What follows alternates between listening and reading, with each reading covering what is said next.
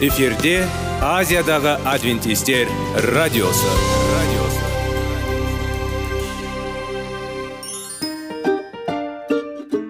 сәлем достар. Денсаулық өмір бұлағы және біздің бірінші байлығымыз демекші денсаулық сағаты рубрикасына қош келдіңіздер. Біздің рубрикада біз әртүрлі факторларменен мәліметтерменен кеңестерменен бөлісіп шын жүректен сіздердің дендеріңіз сау болғанын қалаймыз. Сол үшін біздің рубрикаға қош келдіңіздер. Дайындалып тұрыңыздар. Өйткені келесі минуттарда қызықты фактілерге ие боласыздар. Енді достар ең бірінші байлығымызды қолымызға алып алға кеттік.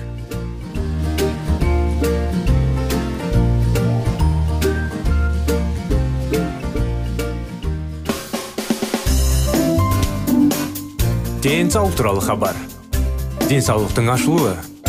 Күн сайын сөз үшін күшті кеңестер соңғы жаңалықтар қызықты факторлар. Біздің рубрикада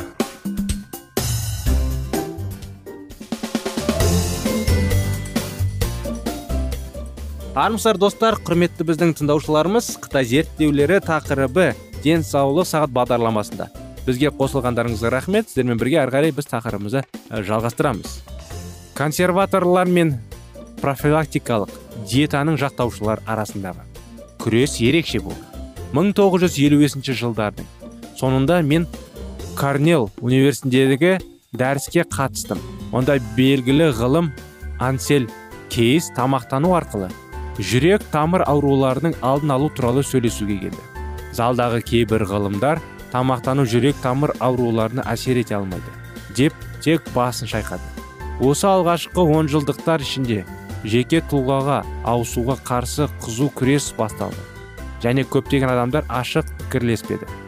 Бүгінгі таңда статус қорғанушылар мен өсімдік диетасының жақтаушылары арасындағы бұл дәуірлік қарама қайшылық бұрынғыдан да өзекті.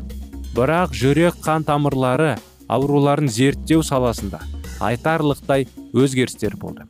Біз осы ауруларды алдын ала емдеу мен емдеуде қаншалықты алға жылжыдық. Негізінен сол жағдай сақталады.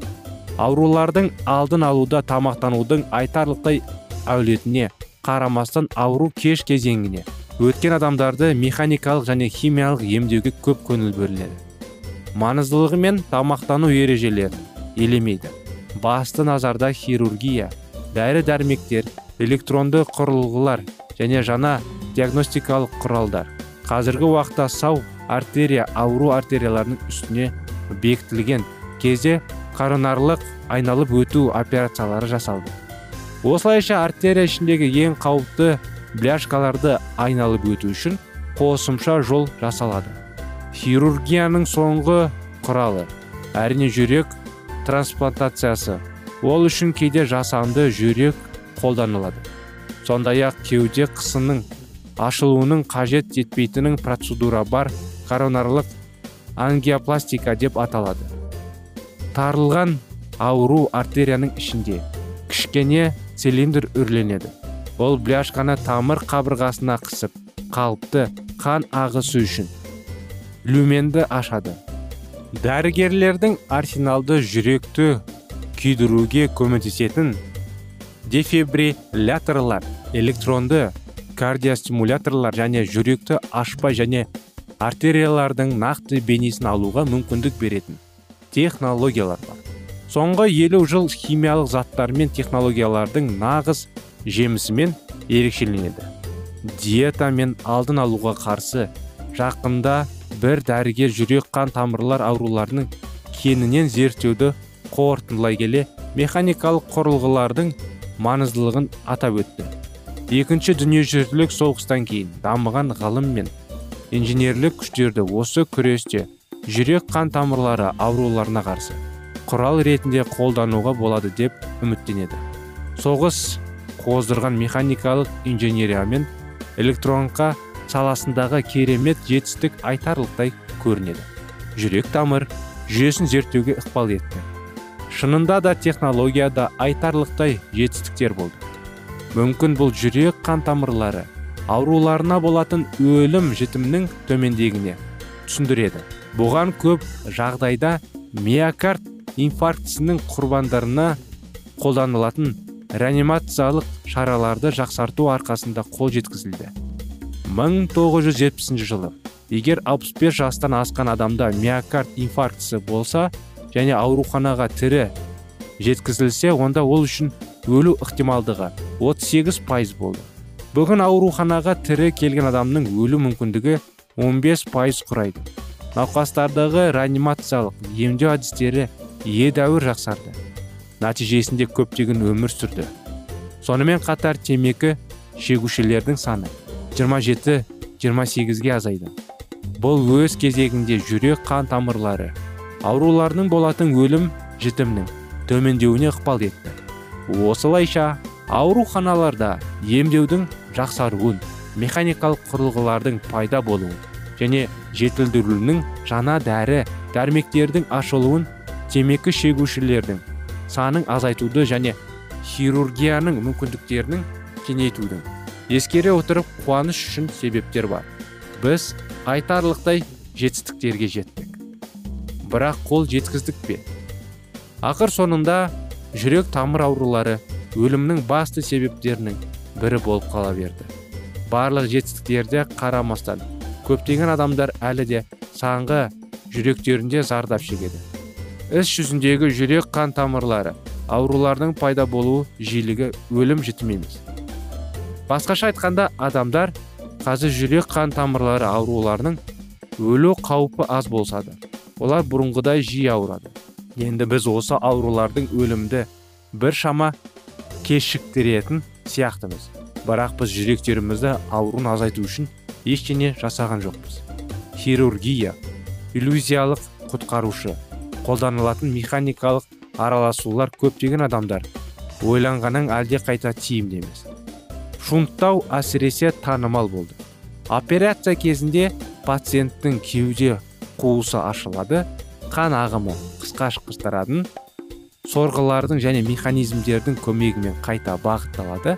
Ал аяқтағы тамыр немесе кеуде қуысының артериясы кесіліп жүректің ауру бөлігіне тігіледі. Бұл қанның ең көп бітілген артерияларды айналып өтуіне мүмкіндік береді. Бұл процедура ауыр зардаптарға әкелуі мүмкін. Әрбір біреудің көп елу пациент операциядан туындаған асқынуларға байланысты өледі. Оның құны құрайды 46 мың ақш доллар.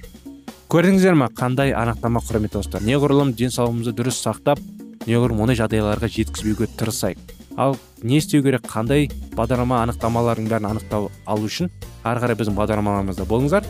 Бүгінгі таңда бүгінгі бағдарламамыз аяғына келді. Жалғасы келесі жолы болады келесі жолға дейін сау болыңыздар.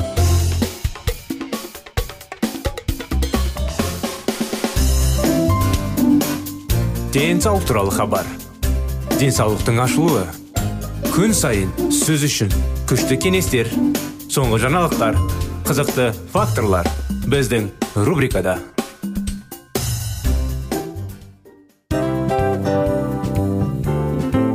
Әуелі байлық денсаулық екінші байлық он саулық үшінші байлық ақ жаулық. Ал енді осындай радио парақшадан кейін не дейміз? Барлықтарыңызға денсаулықтарыңыз зор болсын деп тілейміз. Денсаулықтың өзгеруі кішкентай нәрселерден басталады. Осымен біз берген кеңестер мен мәліметтер шын жүректен сіздер үшін қандай да бір болсын жәрдем берді деп үміттенеміз. Тыңдаушыларымызбен келесі радио парақшасына дейін қоштассамыз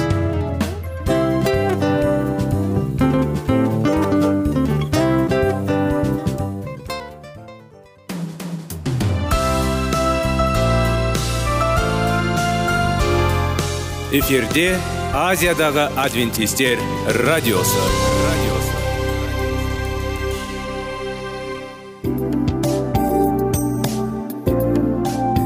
Сәлем достар. Барлықтарыңызға шын жүректен сөйлесек рубрикасына қош келдіңіздер деп айтпақшымыз. Шын жүректен сөйлесек бағдарламасы әртүрлі қызықты тақырыптарға арналған. Шындығында шын жүректен сөйлесек деген сөздің мағынасы екі достың екі адамның ортасындағы шын жүрекпен сөйлесуі бір біріне сенуі ашықтық пен шындықты білдіреді. Сол үшін біздің бағдарламалар әртүрлі қызықты тақырыптарға арналған. Дайындалыңыз жаңа қызықты мәліметтерге ие болуға. Ондай болса кеттік.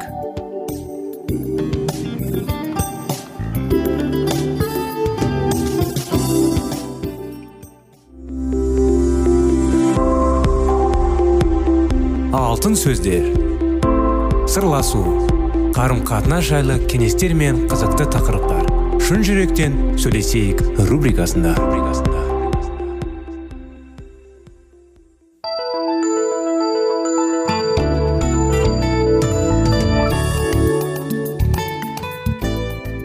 Жүрекпен сөйлесейік бағдарламасына қош келдіңіздер. Құрметті достар құрметті радио тыңдаушылар.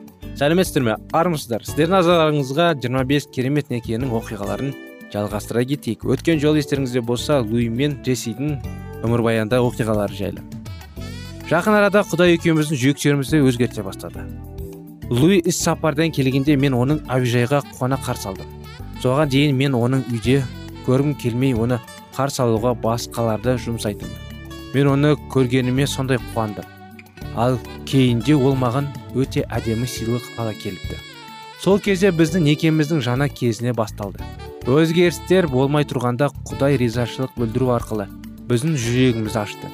Егер біз исаға ұқсас болу үшін талпынымызды деп шешім қабылдап ол бізді кешіргендей бізді өкпелететін адамдарды кешіретін болсақ онда некедегі өміріміз мықты және бақытты болатының сөзсіз. Бір бірімізден кешірім сұрағанда біреулерді кешіре бергенде балаларымызға үлгі көрсетімізді өзіміз байқамадық. Балаларымыз осы кеземіз дүниеде өмір сүріп өзіміз пенде болсақ та құдайдың шексіздік қалай айтқанда шексіз кешірімділігін көптеген күнәларымызды бір кемелдіктен түсіне бердік. Біздің отбасымызды жоятын жасаған күнәларымыз біздің балаларымызға жақсы сабақ болып оларды құдайдың сүйіспеншілігіне рақымдылығына әрі кешірімділігіне ие болуды көп үйретті. Осы дана сөздеріміздің отбасымызға жақсы әсер еткенін көрдік. Қатені кешіретін достығын нығайтар. Егер сіз ренішті сақтайтын болсаңыз онда барлық азап шегеді. Өйткені сүйіспеншілік өте нәзік зат. Алайда бір біріңізді кешіретін болсаңыздар отбасыңыз бақытты болады. Өйткені сүйіспеншілік күшейе береді. Қорқыныш қорқыныштан қорқу керек. Ал қорқыныш жайлы қандай оқиға айта кете аламыз? Сіздің қарым қатынасыңыздағы тағы бір басын ашып алатын мәселе бар. Ол қорқыныш. Біздің некеде тұрған өміріміздің алғашқы он жылында мен шеттелу қорқынышымен күрестім. Менің әкем және менің алғашқы бағушым тым жас келіншектерге үйлену мақсатында өздерінің әйелдерін тастап кеткен. Осы бір келеңсіз тәжірибенің себебімен мен менің ақыл ойымды толтырып алған үркітетін ойлардың пайда болуына жол бердім. Олар айқалаған жоқ бірақ сабырлап ақыр аяғында барлық әрекеттер еркектер кетіп қалады. Оларды өзіне өте қатты жақындатпауына керек. Сол кезде олар сенің көңіліңе қалдыра алмайды дедім осындай ойлар мейірімділік күйеуіме деген құштарлықты ұстануға мәжбүр етті. Күйеу мені құшақтаған кезде оның тезірек қорқып қалу үшін мен тез арада оның арқасында қағып қоятын бір күні оның кезекті қағып қалу мен итеріп жіберуден кейін ол менің сен қанша жасқа дейін ақыры менің сені тастамайтынымды қашан түсінесің? Сен біздің жетістікке келгенімізді күтіп жүрсің бе? деп тікелей сұрадым. Мен тұрған орнымда мелшиіп қатып қалдым. Мен қанша уақыт болса да күтуге дайынмын деп әңгімені жалғастыра түсті ол. Бірақ осы уақыттың ішінде біз едәуір бақытты көздерді өткізіп алдымыз деді ол. Мен басқа еркектердің маған жасаған күйзелістері үшін өз күйеуімді соның құнын өтеуге мәжбүр еткенін түсіндім. Сол кезде мен неге олардың кемшіліктерін күйеуімнің өтеу керек? Бұл әділетсіздік өмірді қорғау талпыну көзінде мен біздің қарым қатынастарымызға бөгет жасаймын деп ойладым. Болашақта күйеуімнің жоғалтып аламын ғой деген менің үрейім біздің қазіргі қатынасымызға тонауға әкеп соқтырды. Мен күйеуімнің жарым жартылай сүйіп кейін артыма қарайлап саған өкінетінімнен көріп тіпті одан айырылып қалам ба деп қауіптенсем де одан да оны бүтіндейсім деп шештім. Үрей мені сенімсіздік біздерді некесі қиылып өркендеуден ұстап қалды. Өйткені қорқыныш алдымызда ең жақсы бір нәрсенің болатынына сенудің бас тарта отырып қорқыныш өткен өмірге жармысып тұрып алды. Егер біз құдайдың біздің екемізде жаңа бір нәрсені жасағанын қалайтын болсақ біз шешіммен ешбір қорқынышты шешіммен шешетін және біздің болашағымыз үшін сүйіспеншіліктің және дайында қойғанын қабылдауымыз қажет болады. Үрей сәтсіздікте үйтеді. Алайда махаббат ешқашан шарға шықпайды. Қорқыныш бұл құдайдың сүйіспеншілігіне және біздің өміріміздегі қорқынышқа қарсы әрекет ететін рухани күш. Сүйіспеншілік пен үрей әртүрлі әрекет жасайды. Сүйіспеншілік бізге біздің көріп отырғанымызға күмәндануға және біздің өзіміздің қол жеткізе алмайтын нәрселерге сенуге қарсы шығады. Қорқыныш көзге көрінетін нәрсеге сенуге және көзге көрінбейтіне күдіктенуге шақырады. Біз сәтсіздік қорқынышымен немесе сүйіспеншіліктің үмітімен түйісіп қалатын болсақ біз бұдан ары қарай немен өмір сүру керек жөнінде өзіміз таңдаймыз осының екеуін де таңдап алу мүмкін емес қорқыныш сүйіспеншіліктің ығыстарды ал сүйіспеншілік қорқынышты жолатпайды сүйіспеншілікке қорқыныш жоқ. Шынайы сүйіспеншілік қорқынышты жолатпайды себебі қорқыныш жазаға байланысты. Қорқыныш қорқатын кісі де сүйіспеншілік мақсатына жеткен емес. Сүйіспеншіліктің қалпына келтіретін құдіретті қорқыныштың ең үлкен. Біз тек құдайдың өзіне қорқынышты жолатпайтын сүйіспеншілікке таба аламыз. Құдай біздің мұқтаждықтарымызды толық орындай алатынына сеніп оның сүйіспеншілігінің құдіретімен өзімшілікті жоя аламыз. Бірақ егер біз құдайға уақытымызды арнайтын болсақ біз оның сүйіспеншілігін жақыннан танып біле алмаймыз. Өйткені онымен бірге болғанда ғана біз оның сенімділігін көре бастаймыз. Осымен бүгінгі бағдарламамыз аяғына келді құрметті достар. Сіздерге жалғасын келесі жол жалғастырып келесі жолға дейін сау болыңыздар дейміз.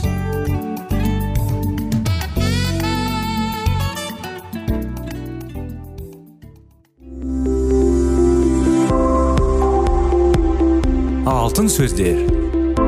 Сырласу. Қарым қатынас жайлы кеңестер мен қызықты тақырыптар. Шын жүректен сөйлесейік рубрикасында.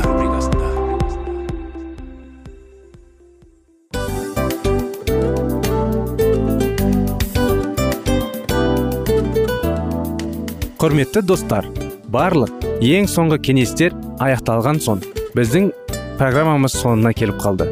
Осы біздің мәліметтер осы рубрикада айтылған әрбір сөздер сіздерге өзінің қандай да бір пайдасын алып келді деп шын жүректен сенеміз. Және бұдан да көптеген рубрикаларымыз бар. Басқа рубрикаларымызда біздің зерттеулерімізде сіздер үшін тағы да қызықты мәліметтер дайын. Біздің шын жүректен сөйлесейік парақшамызда көптеген әдістер ең соңғы кеңестер адамның нравственность жақтан моральдық жақтан тазалап байыта тұрған соңғы кеңестердің барлығын жанарады. Сондықтан алдыңғы күндерде бізбен бірге болыңыздар. Өйткені барлық қызықтар алдыда. Бізбенен бірге болғандарыңызға үлкен рахмет. Келесі кездескенімізше сау сәлемет болыңыздар.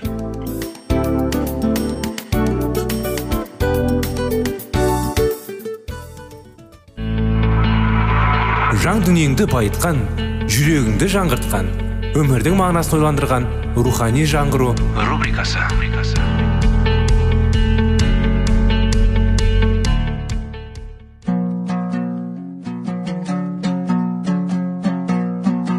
Ассалаумағалейкум біздің тыңдаушыларымыз. Келі кітаптың шындығын ашып берген қысқа бағдарламасына қош келдіңіздер. Барлығынан жоғары жаратушы біздің қарыңғылықта жалғыз қалдырып қойған емес. Өйткені ол келешекте не болу керек екенін киелі кітаптың парақтарында ашып береді. Немесе келіңіздер бізге қосылыңыздар. Жаратушы бізге нен ашып бергенін зерттейміз. Хайуан. Оның бейнесі және белгісі дегеніміз не? Бұл рәміздер жайлы аян ашық кітаптың 12-ші тарауында аждаханы суреттеген басталды. Ол мәсіх исаны тусымен өлтірмекші болған. Аждаха тағы да шайтан деп те аталды.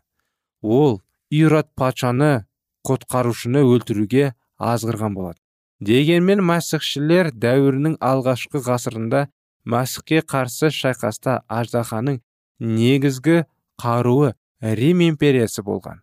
Ашық кітаптың 12 тарауында жолбарысқа ұқсас басқа хайуан жайлы жазылды. Және оған аждаха өзінің тағын билігін және күшін берді делінген. Бұл рәміздер арқылы рим империясының оның билігін тағын және күшін алға рим папалығы суреттелді. Жолбарыс жайлы тағы да ол менменшіл түрде тәкаппарлықпен құдайды ғибадат күпірлік сөздер сөйледі деген. Оған кез келген елмен айтпен халықпен тайыппен және румен шайқаса түсіп оларды женетін бийлік пен күш берілді.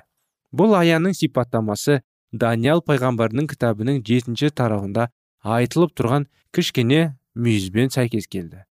Күмәнсіз осы жерде рим папалығы жайлы айтылып тұр. Оған 42 ай бой әрекет жүргізетін билік берілді. Пайғамбар былай дейді мен бір бастың қансырап жарақан алғанын көрдім. Тағы да кім біреуді тұтқынға алса сол өзі тұтқындалады және кім біреуді найзамен өлтірсе сол өзі найзадан өледі.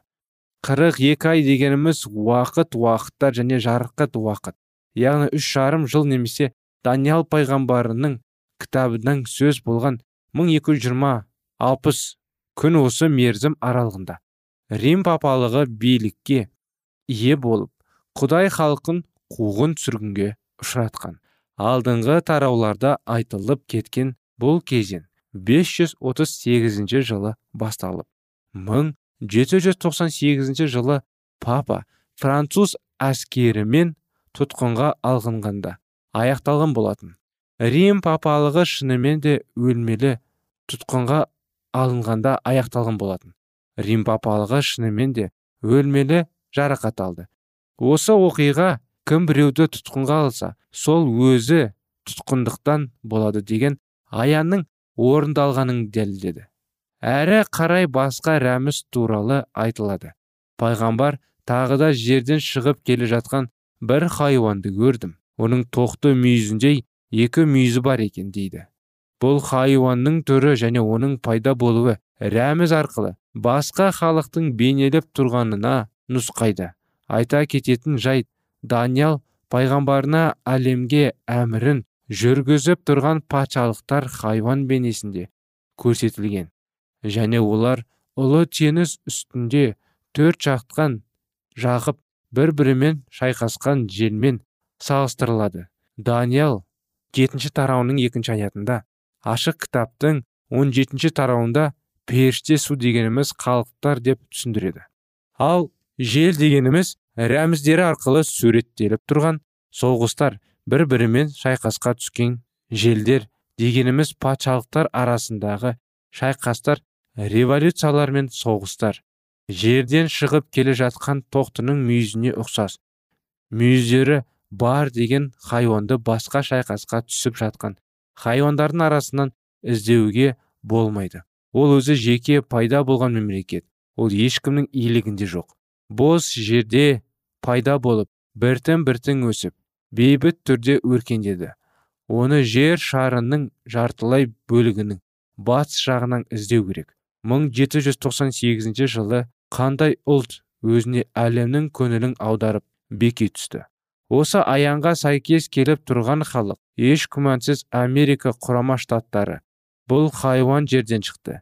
Лингвистердің тұжырымы бойынша жерден шыққан деген сөз өсімдік секілді өскен пайда болған деген мағынаны білдіреді. Шынымен де ол ешкімнің иелігінде жоқ аймақта пайда болды. Белгілі әдебиетші ақштың өркендегенін сипаттай отырып жерге көмілген тұқымнан пайда болғандай.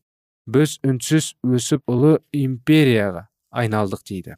Оны тоқтының мүйізіндей екі мүйіз бар еді деген сөз бұл мемлекеттің өте жас бейкүнә және жұмсақ екенін білдіреді өйткені кезінде қуғын сүргінге ұшыраған мәсіхшілердің көпшілігі американың папа тапты. Бұл бостандықтың туын тіккен мемлекеттік декларациясында былай делінген. Барлық адамдар бірдей жаратылған.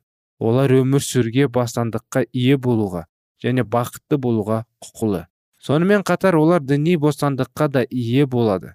Олардың өркендеуінің және күшті болуының құпиясы да осында жатқан болады дегенмен тоқтының мүйізінде мүйізі бар. Хайуан айдахардай сөйлейтін болады дегенген бірінші хайуанның билігінде билікпен әрекет жасап бар болады делген бірінші хайуанның билігінде билікпен әрекет жасап бар жерді және оның тұрғындарын жарасы жазылып кеткен хайуанға бағындырғысы келеді.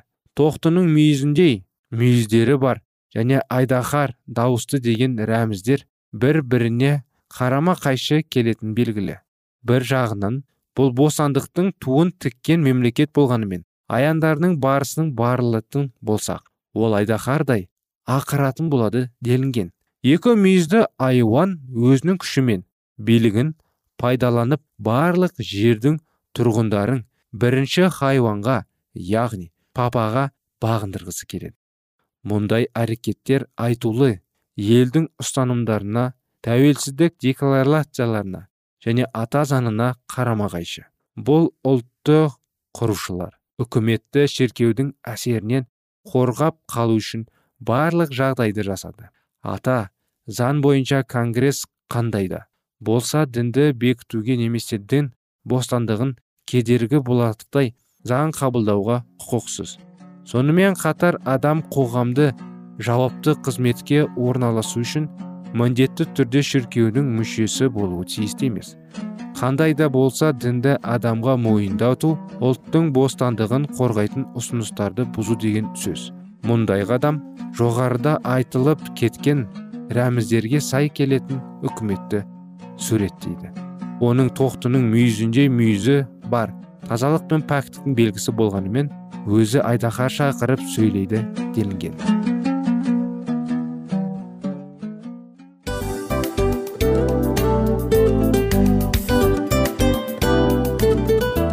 Мынау осы уақыт тез өтіп кетеді екен. Біздің бүгінгі рубрикалардың аяғына да келіп жеттік.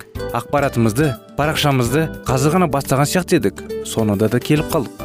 Уақыт деген тегі білінбей өтіп кетеді екен. Бүгінгі 24 сағаттың алтындай жарты сағатын бізге бөліп арнаған үшін рахмет. Егерде өткен сфераларда пайдалы кеңес алған болсаңыз біз өзіміздің мақсатқа жеткеніміз.